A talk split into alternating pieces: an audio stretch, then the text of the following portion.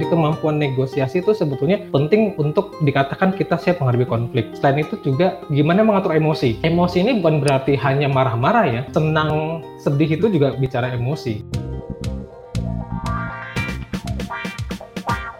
Disko, diskusi psikologi.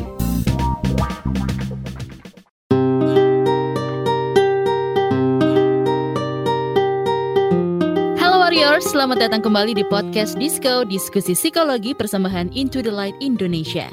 Hapus stigma, peduli sesama, sayangi jiwa. Gimana kabar kamu Warriors? Mudah-mudahan selalu sehat ya. Jangan lupa jaga kesehatan. Bizar. Halo, halo Nomi, masih bareng gue juga Bijar nih di sini. Apa kabar kalian semua para warriors? Sehat. eh tapi by the way ya, eh, Bizar, Apa nih apa eh, nih? lu perhatiin nggak sih? Walaupun masih kondisi pandemi dan juga COVID seperti ini gitu kan, Iya. masih banyak kondangan bertebaran di mana-mana. Wih lagi musim nikahan Sabtu, cuy. Minggu. Gue aja diundang, tapi gue masih parno, Bo. Ya Iya. udahlah, kirim. Gue kemarin gak datang temen gue nikahan. Takut gue, Hmm. Kenapa? ya takut. Ngundangnya rame banget. Oh enggak, soalnya gue pikir lu takut ditanyain kapan lu merit gitu. Oh enggak, enggak dong. Oh, bukan. Eh tapi ngomong-ngomong ya, kalau ngomongin soal merit gitu, soal pernikahan, apa sih yang jadi pertimbangan lo gitu sebelum memutuskan untuk nikah someday? gue ngerasa materi sangat mempengaruhi gue untuk mempersunting seseorang sih. Kayak Oh, oke. apakah gue sudah punya pekerjaan dengan gaji yang cukup, yang mapan, apakah gue sudah punya Hmm. tempat tinggal sendiri. Itu sih menurut gue Hmm. yang paling jadi concern gue untuk uh, membicarakan tentang pernikahan sih. Oh jadi lo tunggu kaya raya dulu baru nikah gitu apa gimana nih? Enggak gitu, enggak gitu. Maksudnya seenggaknya, Oh. seenggaknya tunggu cukup gue udah punya rumah, udah bisa ngasih nafkah untuk istri dan anak, c gitu. Cek gitu. Tapi kalau Kalau- ngomongin Ah, gimana? kalau ngomongin nikah gitu ya kalau ini walaupun lo nggak tanya ya udah gue jawab sendiri mental tuh adalah hal yang sangat penting juga kalau belum siap susah Iya, juga Karena Gitu. kadang-kadang apa ya, mungkin ada orang yang nikah karena pengen atau karena dengan alibi udah waktunya atau karena ngelihat temennya udah nikah gitu. bisa jadi banyak hal sih sebenarnya. Iya. tapi kebetulan di episode podcast disco kali ini kita mau ngebahas nih soal kesiapan mental sebelum memutuskan menikah. Dan di sini kita udah kedatangan Mas Aris Julianto. Beliau adalah kepala program studi psikologi Fakultas Humaniora dan Bisnis Universitas Pembangunan Jaya. Halo Mas Aris. Halo apa Mas kabar? Aris, apa kabar? Baik, baik. Gimana Mas Bijar sama Mbak Numi kabarnya? Baik, Sehat-sehat? baik. Kita juga baik, syukur, Syukur. alhamdulillah. Mas Aris, Ya. kita mau ngobrolin soal pernikahan nih. Tadi kan sempat kita udah obrolin gitu ya dari bizar, katanya materi. Hmm. Kalau Hmm. aku biasanya mental lah ya kan. Nah tapi ngomongin mental nih Mas, kesiapan mental sebagai dasar sebelum memutuskan untuk menikah itu bisa dibilang sudah dianggap penting gak sih selama ini? Kalau menurut saya sih sebetulnya belum ya. Tadi cerita Mas Bijar atau tadi cerita Mbak Naomi itu kan menunjukkan bahwa di masyarakat belum memperhatikan bahwa kesiapan mental memasuki pernikahan itu hal yang penting. Benar tadi kata Mas Bijar. Yang diungkapkan adalah materi. Udah pu- punya duit atau belum? Buat nikah, buat punya rumah gitu kan. Mhm. Itu biasanya yang menjadi apa namanya istilahnya eh, hal yang penting di masyarakat. Jadi kesiapan mental menurut saya belum diperhatikan tuh gitu. Itu nanti aja lah nanti juga siap sendiri biasanya gitu kan gitu. Jadi materi materi dulu tuh biasa diungkapkan gitu. Atau juga tadi sama Mas Bijar udah kebelet pengen nikah gitu kan. Kayak kejar tayang ya. Kejar tayang. daripada nanti istilah daripada zina kan udah udah cukup umur gitu kan udah nikah aja gitu. Itu sih menurut saya yang di masyarakat. Jadi kesiapan mental dianggap bukan hal yang penting untuk memasuki dunia pernikahan gitu. Nah, Mas Aris, gimana caranya biar kita tahu kalau kita memang sudah siap secara mental gitu? Kadang dengan umur saja nggak cukup buat membuktikan kalau kita memang siap secara mental kan? Nah, gimana cara biar kita tahu, biar kita yakin kita mau nikah nih dan kita memang sudah siap? Jadi kalau usia memang jadi satu hal, tapi bukan berarti otomatis usia kemudian pasti siap ya, apalagi terutama secara mental. Jadi kalau bicara kesiapan mental menjelang atau memasuki pernikahan, kira-kira saya bilang ada tiga lah yang bisa kita lihat kita sudah siap atau tidak. Pertama misalnya apakah kita sudah siap menghadapi konflik. Hmm. Bicara konflik ini kan berarti konflik dalam pernikahan ya kan. Hmm. Pernikahan itu kan bersatu antara suami dengan istri. Kita akan bersatu dengan orang lain, pasangan kita gitu. Nah, Hmm. di siap se- secara konflik ini sebetulnya bukan berarti nanti oh kalau ini gue selama ini pacaran gue selalu menang kok gitu si si pacar gue gitu cowok gue atau laki gue pasti ngalah lah sama gue gitu. bukan begitu sebetulnya Mm-mm. bukan bicara menang atau tidak menang ya tapi siap menghadapi konflik tuh mulai dari komunikasi gitu kan Yes. Bukan berarti komunikasi, eh gue jago jago public speaking loh, kemudian pasti bagus. Enggak. Di Hmm. komunikasi bagaimana kita bisa menyampaikan pendapat. Kalau kita nggak suka gitu, bagaimana menyampaikan pendapatnya sih gitu dengan baik, gitu kan bisa diterima oleh orang lain, diterima dengan pasangan. Hmm. Begitu juga menyampaikan perasaan. Kalau kita lagi sedih, itu gimana menyampaikannya? Kadang-kadang gitu kan, eh, say, kamu kenapa sih kok kayak hari ini murung banget? Ah, moto aja. Kan nggak gitu juga kan? Iya. Nah, bagaimana kita menyampaikan nah, kalau lagi sedih, padahal sedihnya atau marahnya itu bukan dengan pasangan misalnya, dengan orang lain atau dengan pekerjaan. Nah, itu juga perlu disampaikan. Kita Hmm. perlu terbuka untuk menyatakan bahwa kita nggak suka, tidak suka, tapi bukan berarti eh, suka tidak sukanya langsung istilah apa, cablak aja sampaikan. Dengan cara yang baik itu juga penting. gitu. Selain itu juga ada yang namanya bisa nggak kita bernegosiasi atau kompromi? Ingat tadi pernikahan itu kan bersatunya dua orang kan ya. Hmm. Ya. Jangan sampai kemudian yang mau menang sendiri gitu. Seringkali begitu. Mau menang sendiri pokoknya istri harus ngikutin perkataan suami misalnya gitu kan nggak juga. Kita harus bisa memperhatikan keinginan pasangan, keinginan calon eh, keinginan suami kita, keinginan istri kita tuh seperti apa. Jadi kemampuan negosiasi itu sebetulnya penting untuk dikatakan kita siap menghadapi konflik. Selain itu juga gimana mengatur emosi. Emosi ini bukan berarti hanya marah-marah ya. Ya. Senang, sedih itu juga bicara emosi. Kadang-kadang misalnya si suami istri ini misalnya dua penggemar bola yang berbeda, tim berbeda, Hmm. Arsenal sama Liverpool misalnya begitu ya, Hmm. gitu. Ternyata dalam pertandingannya Liverpool menang gitu, si suaminya seneng. Gitu.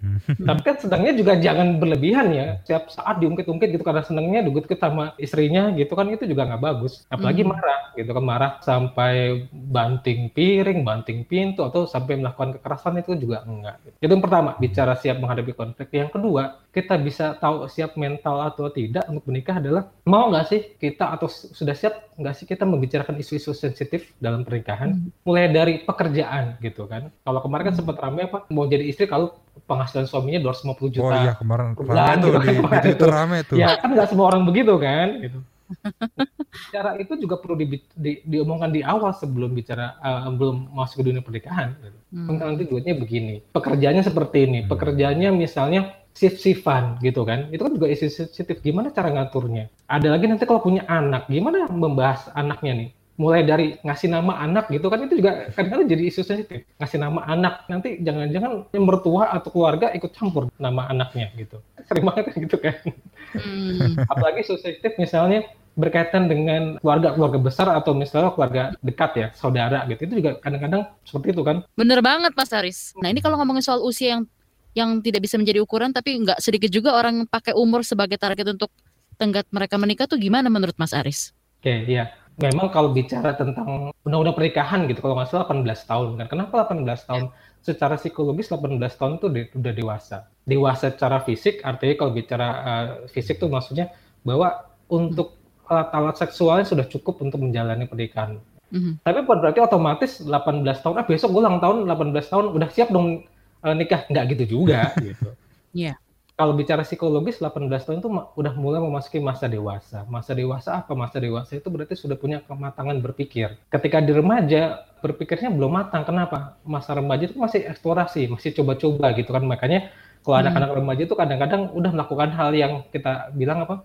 nggak mikirin resikonya gitu.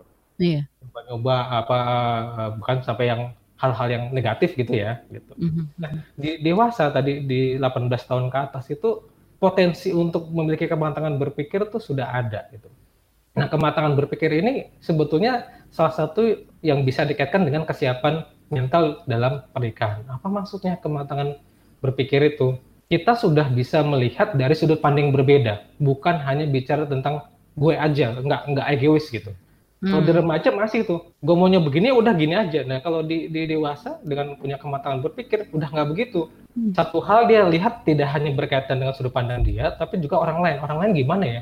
Kalau saya begini, orang lain tuh nanti seperti apa? Gitu. Orang lain akan melihatnya apa? Apa dampaknya kepada kepada orang lain? Gitu. Nah, tapi tadi ya otomatis bukan berarti 18 tahun udah siap menikah. Memang kematangan berpikir tadi banyak hal, banyak faktor yang mempengaruhi mulai dari diri sendiri gitu kan. Kemudian mulai dari uh, keluarga mungkin pola asuh keluarga dan sebagainya sampai lingkungan pergaulan kita tuh juga bisa mempengaruhi. Jadi Hmm. kalau tadi misalnya Mbak Nomi bilang bisa aja saja mungkin orang-orang yang istilahnya usianya dianggap sudah cukup umur gitu merasa Hmm. dirinya belum siap mental gitu. Selain mungkin siap-siap yang Hmm. lain ya siap finansial dan sebagainya gitu. Jadi kalau target yang tadi misalnya oh umur 28 kok belum nikah? gitu. Dan kemudian udah kita nikah aja atau cariin jodoh deh atau udah siap aja lah sama pacar yang sekarang. Kayaknya Mm-mm. menurut saya lebih lebih em, untuk mengurangi tekanan sosial ya. Kayak tadi Mas Pijar tanya nikahnya kapan gitu kan kalau ketemuan keluarga gitu kan lebaran atau apa gitu. Eh nikahnya kapan gitu. Itu anak tante udah udah mau punya anak dua gitu kan. Kamu kapan? Pasti gitu kan jawabannya gitu kan. Kita bisa jawabnya gini kali, eh, kalau tante mau biayain catering nggak apa-apa. oh iya, eh, sebelum kita lanjutin lagi ya Bizar dan juga eh, Warriors dan juga Mas Aris, nanti kita akan lanjutkan lagi perbicaraan dan juga perbincangan yang sangat menarik dan juga seru kali ini. Tapi setelah break sebentar ya. Disko, diskusi psikologi. Oke Google, cariin apa yang lagi trending sekarang dong. Yang lagi viral, yang lagi hits. Aduh kamu ini tahunya cuma nyur doang. Lah, dia nolak. Aku bilangin Siri nih. Ya sudah-sudah jangan ngambek dong. Kamu cukup buka KBR Prime titik ide, lalu cari what's trending. Semua dibahas tuntas dengan narasumber yang kredibel, jadi bisa buat referensi kamu. Wah iya nih, keren banget ya. Setiap hari lagi. Betul, dari Senin sampai Jumat. Jangan lupa hanya di KBR Prime titik ide atau di aplikasi podcast lainnya. Makasih ya Mbah Google. Hei kamu ini, saya masih gadis, kenapa dipanggil mbah? KBR Prime, podcast for curious mind. Anda sering gelisah, tidak bisa tidur nyenyak, selalu merasa ada yang merasuki pikiran Anda.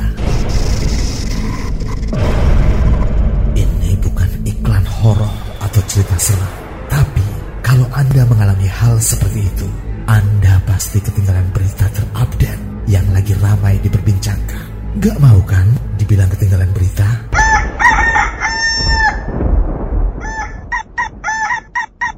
Makanya dengerin KBR Pagi, siaran pagi radio paling update, menghadirkan narasumber yang terpercaya dan kredibel. Banyak lagu-lagu dari zaman old sampai zaman now. Setiap hari Senin sampai dengan Jumat, mulai pukul 7 sampai 8 waktu Indonesia Barat. Bisa didengerin dari Aceh hingga Papua. Cukup satu jam saja untuk membuat kamu tetap update. Woi, ayam siapa nih? Berisik, saya mau dengerin kabar pagi. Disko, diskusi psikologi. Hai, kita balik lagi. Tadi sebelum kita break, kita sudah ngobrolin soal kesiapan mental sebelum memutuskan menikah. Nah, di sini nih, eh, kita juga udah punya rekaman voice note dari seorang penutur kisah yang mau berbagi ceritanya, Warriors. Yuk kita dengerin dulu. Pernikahan gua mungkin dibilang baru seumur jagung banget kali ya. Baru enam bulan gue nikah dan yang gue rasain sesudah nikah pasti ada suka dukanya. Sukanya itu alhamdulillah banyak sih. Dimulai dari ada temen yang bisa selalu nemenin makan, seru-seruan, ibadah bareng, dan yang pasti ngerencanain hidup buat ke depannya bareng-bareng. Tapi di balik rasa suka pasti ada dukanya ya. Hmm, belum duka sih mungkin, cuman kendala aja. Apalagi kayak gua yang pernikahannya tuh melalui proses yang terbilang cukup singkat. Jadi pas udah nikah ya gua harus benar-benar nerima segala sifat dia, begitupun sebaliknya. Meskipun awal-awal kaget, tapi ya nggak ada manusia yang sempurna. Setiap ada masalah, awal-awal gue selalu coba nyari tweet-tweet di Twitter seputar pernikahan. Jadi buat kalian yang memutuskan untuk nikah muda, sebaiknya dipikirin nih, udah siap secara mental, lahir batin atau belum? Udah siap untuk nggak egois atau belum? Dan udah siap untuk menerima masalah yang lebih rumit daripada sendiri atau belum? Karena nantinya berdua nih kita. Otomatis masalahnya bakal lebih drama. Apalagi kalau udah punya anak kali ya. Nah, buat kamu yang mau juga kisahnya untuk diangkat atau yang ingin berbagi dengan kita, bisa kirim dalam bentuk voice note atau catatan juga bisa. Kirim aja melalui email di podcast@kbrprime.id. Oke Mas Aris kita lanjut lagi ya. Mungkin nggak sih Mas Aris kalau seseorang itu sebenarnya nggak sadar kalau dirinya nggak siap secara mental untuk menikah? Ya, bisa jadi seperti itu. Banyak orang tadi kan kalau kita tadi Hmm. bahas bahwa yang penting adalah kesiapan finansial, duitnya udah ada untuk untuk apa ngadain upacara pernikahan yang mewah gitu, udah punya rumah, udah punya mobil dan sebagainya. Tapi tadi tidak berpikir saya udah siap belum ya? Karena oh, banyak kan mungkin kebayang menikah itu senang-senangnya, tapi kan juga ada yang tidak senangnya. Nah, menghadapi hal-hal seperti itu kan sebetulnya butuh kesiapan mentalnya. Tadi itu banyak yang belum sadar gitu. Mhm. Seringkali malah sadarnya baru setelah udah menikah nih. Wah, saya belum siap nih. Jadi Hmm. banyak seperti itu tuh. Mm-mm. Ya, makanya jangan sampai ketika sadar itu baru sudah menikah nanti masalahnya lebih banyak tuh kalau baru Hmm. sadar setelah Lebih menikah. complicated gitu ya. Mm-mm, benar. Tapi eh, Mas Aris, biasanya dampaknya apa sih ketika kita eh, menikah dengan kesiapan mental yang kurang? Apakah hanya berpengaruh ke kita juga atau bahkan bisa ber- berpengaruh ke anak-anak kita juga ntar gitu? Dampaknya sebenarnya nanti bisa luas. Emang kelihatannya cuma ke siapa namanya yang menjalani perkawinan, tapi enggak. Benar tadi kata Mas Bijar, bisa bisa ke anak, bisa ke yang lain. Gitu. Secara umum pasti yang pertama terdampak adalah dengan pasangan. Akan sering banyak konflik gitu kan. Kenapa? Karena dari secara mental, ketika ada masalah sedikit udah nyebar apa ke mana-mana gitu kan. Eh, sampai mungkin tadi kalau bicara tadi emosinya mungkin sampai terjadi kekerasan. Nanti ujung-ujungnya mungkin perceraian gitu. Anak juga bisa tuh tadi Mas Hmm. Bijar. Ketika terjadi konflik eh, dengan pasangan, maka mau nggak mau anak juga ikut terpengaruh. Pola asuhnya akan terganggu dan sebetulnya bukan hanya pada saat si anak kecil konflik yang terjadi karena orang tua yang tidak siap secara mental itu akan terbawa juga ke efeknya ke dewasa ketika anak anak itu udah dewasa bahkan ketika menjalani perkawinan gitu. Hmm. Nah, apalagi selain anak bisa juga pekerjaan. Coba deh kalau pekerjaan kita konflik dengan pasangan, mungkin pekerjaan bisa terganggu, bisa dimarahin di bos itu kok kamu nggak konsentrasi gitu kan? Atau sering kali bolos gitu kan? Apalagi juga bisa ke lingkungan pergaulan. Ya kita pasti punya lingkungan di luar keluarga kan, dengan teman gitu. Nanti ketemu teman kita janjian, yang ada apa? Curhat. Pertama-tama mungkin kita senang ya denger curhat gitu, denger. Tapi kan lama-lama kalau setiap saat gitu bosen juga cerita. Dapurnya kebuka semua. Tentu juga ya gitu. Maunya senang-senang tapi yang cerita itu lagi, itu lagi gitu kan. Kalau kalau ngomongin soal persiapan-persiapan itu ya Mas Aris ya, sebenarnya eh, bisa nggak sih disiapkan atau memang menunggu siap sendiri? Atau ada cara sendiri untuk mempersiapkannya gitu? Wah, kalau nunggu siap susah juga ya kapan-kapan Hmm. siapnya gitu kan. Eh, apa cara menyiapkan? Eh, pertama menurut saya pacaran. Pacaran itu mempersiapkan Saling mengenal diri ya. Eh, tadi mengenal, kemudian tadi saya bilang bagaimana kita me- mengatasi konflik gitu kan namanya pacaran juga pasti nggak senang-senang aja kan. Ada ada juga bagaimana terjadinya konflik gitu. Bagaimana sih kita menghadapi konflik tersebut misalnya ternyata misalnya apakah kita curiga pasangan kita selingkuh gitu pacarnya selingkuh tuh gimana cara menghadapinya gitu. Jadi pacaran itu sebetulnya salah satu cara untuk menyiapkan secara mental. Tapi durasi pacaran juga bukan berarti apa namanya akan menikah. terkait, "Heeh, oh saya udah pacaran tiga tahun udah lima tahun udah siap dong belum tentu juga yang pacarannya mungkin cuma berapa bulan gitu Ujung-ujungnya jagain jodoh orang ya. Heeh, gitu. Atau yang jadi pacarannya banyak kok udah pacaran 10 kali gitu. Belum tentu juga sih. Yang satu kali itu lebih nggak siap gitu. Yang kedua sebetulnya selain pacaran adalah kita bisa berdiskusi berdiskusi dengan orang yang sudah menikah. Misalnya mungkin dengan orang tua. Gimana sih kemudian ketika menikah sering kali kan kalau dengan orang tua ada konflik itu nggak diungkapkan ke anak ya atau nggak dikelihatanin lah Hmm. kita bisa ngomong ke orang tua gimana pak mah eh, perkawinan gimana ketika ada masalah gitu Mhm. atau bisa juga kalau nggak orang tuanya misalnya nggak terlalu dekat misalnya dengan teman atau keluarga yang lain gitu.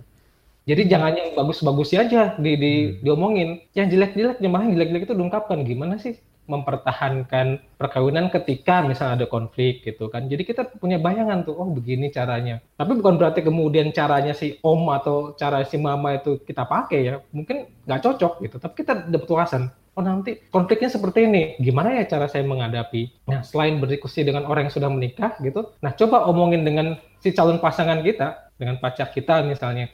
Ini gimana nih kalau kita mau menikah? Hal-hal apa saja yang kita hadapi? Hal apa saja yang kita sepakati nantinya. Itu sebetulnya salah satu cara untuk menyiapkan juga eh, kita secara mental menghadapi dunia pernikahan. Di beberapa agama misalnya cara untuk mempersiapkan juga ada semacam kursus ya. Kursus pranikah atau kursus persiapan pernikahan. Itu juga sebetulnya bisa membantu gitu. Nanti Hmm. dalam kursus itu mungkin akan dibahas dari berbagai sisi ya. Mungkin dari sisi medisnya dari sisi agamanya dari sisi psikologinya gitu. Kalau memang tidak ada mungkin eh, bisa konseling konseling ke psikolog atau konselor perkawinan. Memang ini hal yang nggak terlalu lazim ya kalau di Indonesia ya. Dipikir untuk ke psikolog atau ke konselor kalau ada masalah nggak juga sebetulnya. Mhm. ketika kita merasa ingin tahu atau ingin tahu kita udah siap apa tidak sebetulnya psikolog atau konselor perkawinan itu bisa membantu untuk mengakses oh kamu sudah siap. Kalau kalau sudah siap bolehlah di memasuki dunia pernikahan atau kalau belum siap apa yang bisa disiapkan? Kira-kira itu sih uh, yang menurut saya untuk bisa menyiapkan diri secara mental untuk menghadapi pernikahan gitu. Tapi sepertinya sekarang udah agak sedikit umum untuk menuju ke psikolog sebelum apa namanya pernikahan ya? Atau mungkin ke yeah dokter sejak dokter Boyke sering di TV itu yang menganjurkan nah, kalau kita harus cek eh, cek kesehatan dulu sebelum menikah. Ya. Nah, Mas Aris, apakah ya. takut nikah itu indikasi belum siap dan kalau kepingin nikah itu termasuk indikasi siap nih antara cuman kepengen-kepengen doang nih. Tapi takut nikah juga indikasi kita belum siap, emang bener? Nggak selalu sedemikian sih kan kalau tadi nah takut nikah misalnya beberapa orang takut nikah itu mungkin bukan hanya kesiapan secara mental tapi misalnya finansial misalnya hmm. tadi Mas Mijar misalnya belum belum nikah masih mikir aduh nanti kalau gue nikah istri gue dikasih apa ya gitu kan atau bukan kalau udah punya anak nanti anaknya sekolahnya pakai biaya apa belum belum steady secara finansial itu juga bisa mempengaruhi mengatakan apa tidak siap untuk menikah mentalnya mungkin sudah siap tadi hmm. untuk menghadapi konflik sudah udah tahu lah dengan pacarnya udah tahu di cara caranya seperti apa udah ada kesepakatan nanti ke depan seperti apa. Itu tadi kebalikan, oh udah siap nikah. Nah belum tentu, jangan-jangan siapnya secara finansial atau siapnya hmm. secara fisik. Atau sebetulnya hanya karena dorongan apa dorongan seksual semata daripada zina udah kita nikah hmm. aja. Padahal hmm. mentalnya belum siap. Meskipun umurnya mungkin sudah dianggap cukup ya tadi di atas 18 tahun gitu. Jadi nggak nggak bisa jadi indikasi bahwa saya mau nikah itu berarti udah siap ataupun saya takut nikah itu berarti belum siap secara mental. Tapi jadi itu dari kesiapan masing-masing uh, individu gitu ya, Mas Aris ya? Iya, benar. Dan gitu. kesepakatan apa antar setiap pasangan gitu kan iya, ya, iya, komitnya iya. seperti apa? Uh -uh. Tapi emangnya apa sih pengaruh mental misalnya seseorang sudah siap mental untuk menikah, emang pengaruhnya dengan pernikahan mereka nanti itu kira-kira seperti apa ya? Oke, kalau misalnya orang yang tidak siap mental uh, menikah kemudian memasuki pernikahan, apa yang terjadi? Ya pasti bisa kita duga akan banyak konflik. Jangan-jangan di hmm. malam pertama atau di hari pertama udah ada konflik. Bisa jadi, nah, betul. Gimana hmm. misalnya ini ada orang baru loh yang tidur di sebelah kita di kasurnya. Hmm mulai dari ngorok gitu kan. Kalau ngorok kira-kira nggak ada bini gimana? Dibangunin eh jangan ngorok dong gitu kan. Kan nggak bisa juga. Tadi mengatasi konflik itu mengatasi konflik iya iya. Atau misalnya ternyata uh, selama ini kalau kita di rumah gitu kan karena punya kamar sendiri ya udahlah baju taruh taruh aja sembarangan gitu. Baju hmm. bersih baju kotor, baju kotor di lantai. Handuk habis Tapi mandi taruh atas kasur gitu ya? Nggak suka. Jadi marah-marahnya itu mungkin konflik itu akan lebih sering terjadi karena kita belum siap gitu hmm. apalagi tadi kita kalau sudah punya anak agak bahaya-bahaya banget tuh. Hmm. Nanti anak kita bisa berpengaruh gitu. Untuk untuk perkembangan selanjutnya anak-anak itu tadi saya bilang dipengaruhi oleh bagaimana kedua orang tuanya itu berperilaku kan. Hmm. Kalau sering konflik anaknya bisa melihat ya nanti dampaknya tidak hanya pada saat sekarang ini tapi ketika nanti dia besar, ketika dia dewasa gitu. Kalau dalam bahasa psikologinya orang yang siap itu nanti akan memiliki kepuasan pernikahan yang baik. Terjadinya kepuasan pernikahan itu tidak hanya dampaknya di keluarga, tapi dampaknya bisa juga kehidupan lain, misalnya pekerjaan gitu kan. Hmm. Konflik di keluarga itu kan bisa nanti mempengaruhi pekerjaan. Pekerjaannya dia nggak konsen baca yang salah, yang ada bos marah gitu kan. Kalau bos hmm. marah nanti nggak bisa promosi gitu kan, atau bahkan sampai dipecat. Jadi eh, dampaknya cukup besar ya, jangan cuma bilang siap nggak siap, tapi hmm. perlu dipikirkan ke depannya gitu. Apalagi tadi bisa pengaruh ke anak. Kira-kira gitu kalau menurut saya, Mas Wijar. Hmm, gitu. Nah, Jar, dari perbincangan barusan dengan Mas Aris, perasaan lo gimana nih sekarang? Apa lo ah, takut, uh, takut. Dan kira-kira apa yang mau lakuin setelah mendengar semua penjelasan dari Mas Aris tadi? setelah mendengar penjelasan tadi, sepertinya gimana ya? Seenggaknya gue tahu kalau memang ada hal selain hal finansial atau fisik yang perlu gue siapkan gitu loh. Kalau sendiri gimana Nom? Kalau gue sih dari obrolan yang luar biasa sangat-sangat menyenangkan di hari ini gitu ya. Ternyata sebenarnya ya Mas Aris juga ya. Komunikasi itu adalah kunci ya Mas. Ya, ya. Komunikasi hmm. sama pasangan. Terus juga kesiapan mental memang benar. Kalau kita memang gak siap mental. Mendingan prefer gitu ya. Eh, nggak e, apa-apa deh single dulu atau atau bahkan ya punya keputusan hidupnya seperti apa supaya nanti pada saat di tengah jalan nggak jadi konfliknya macem-macem gitu kali apalagi kan kalau dewasa itu belum tergantung dari umur. Dewasa kan kematangan berpikir kalau tadi kata Mas Aris bilang gitu kan. Itu memang bener banget sih kalau menurut gue. Jadi kesiapan mental menurut gue dari obrolan kita ya penting banget supaya langgeng gitu hubungannya daripada mental. dan mungkin kita bisa membicarakan atau mengkonsultasi hal tersebut ke pasangan kita juga dan kita ngelihat bagaimana dia men- menanggapinya apakah dia benar udah siap secara mental atau belum kan mungkin bisa dilihat dari tanggapan pasangan kita juga gitu kali ya Mungkin seperti itu. Ah ini ini eh, seru banget dan buat warriors juga ya udah dengerin thank you banget. Tapi sampai di sini dulu podcast disco kali ini. Thank you banget ya Mas Aris Iya. yang sudah Thank you, bersedia Mas sharing Aris. pengalaman dan pengetahuannya. Ini keren banget. Thank you Mas Aris sehat selalu. Dan tentunya buat Bizar juga dan juga buat Warriors, terima kasih juga untuk kamu yang mau mendownload dan mendengarkan podcast ini. Dengan mendengarkan podcast ini, semoga kita semua bisa membantu menghapus stigma di masyarakat, lebih peduli terhadap orang-orang di lingkungan sekitar dan juga tentunya jangan lupa untuk selalu menyayangi jiwa sendiri. Nah, buat kamu yang mau kisahnya diangkat bisa kirim email ke mana nih Bizar? ke podcast at kbrprime.id sampai ketemu lagi di podcast disco episode selanjutnya dengarkan terus di kbrprime.id ya semuanya gue Bijar Gue Naomi. pamit undur diri dulu dadah Bye. Disko, diskusi psikologi. Wow.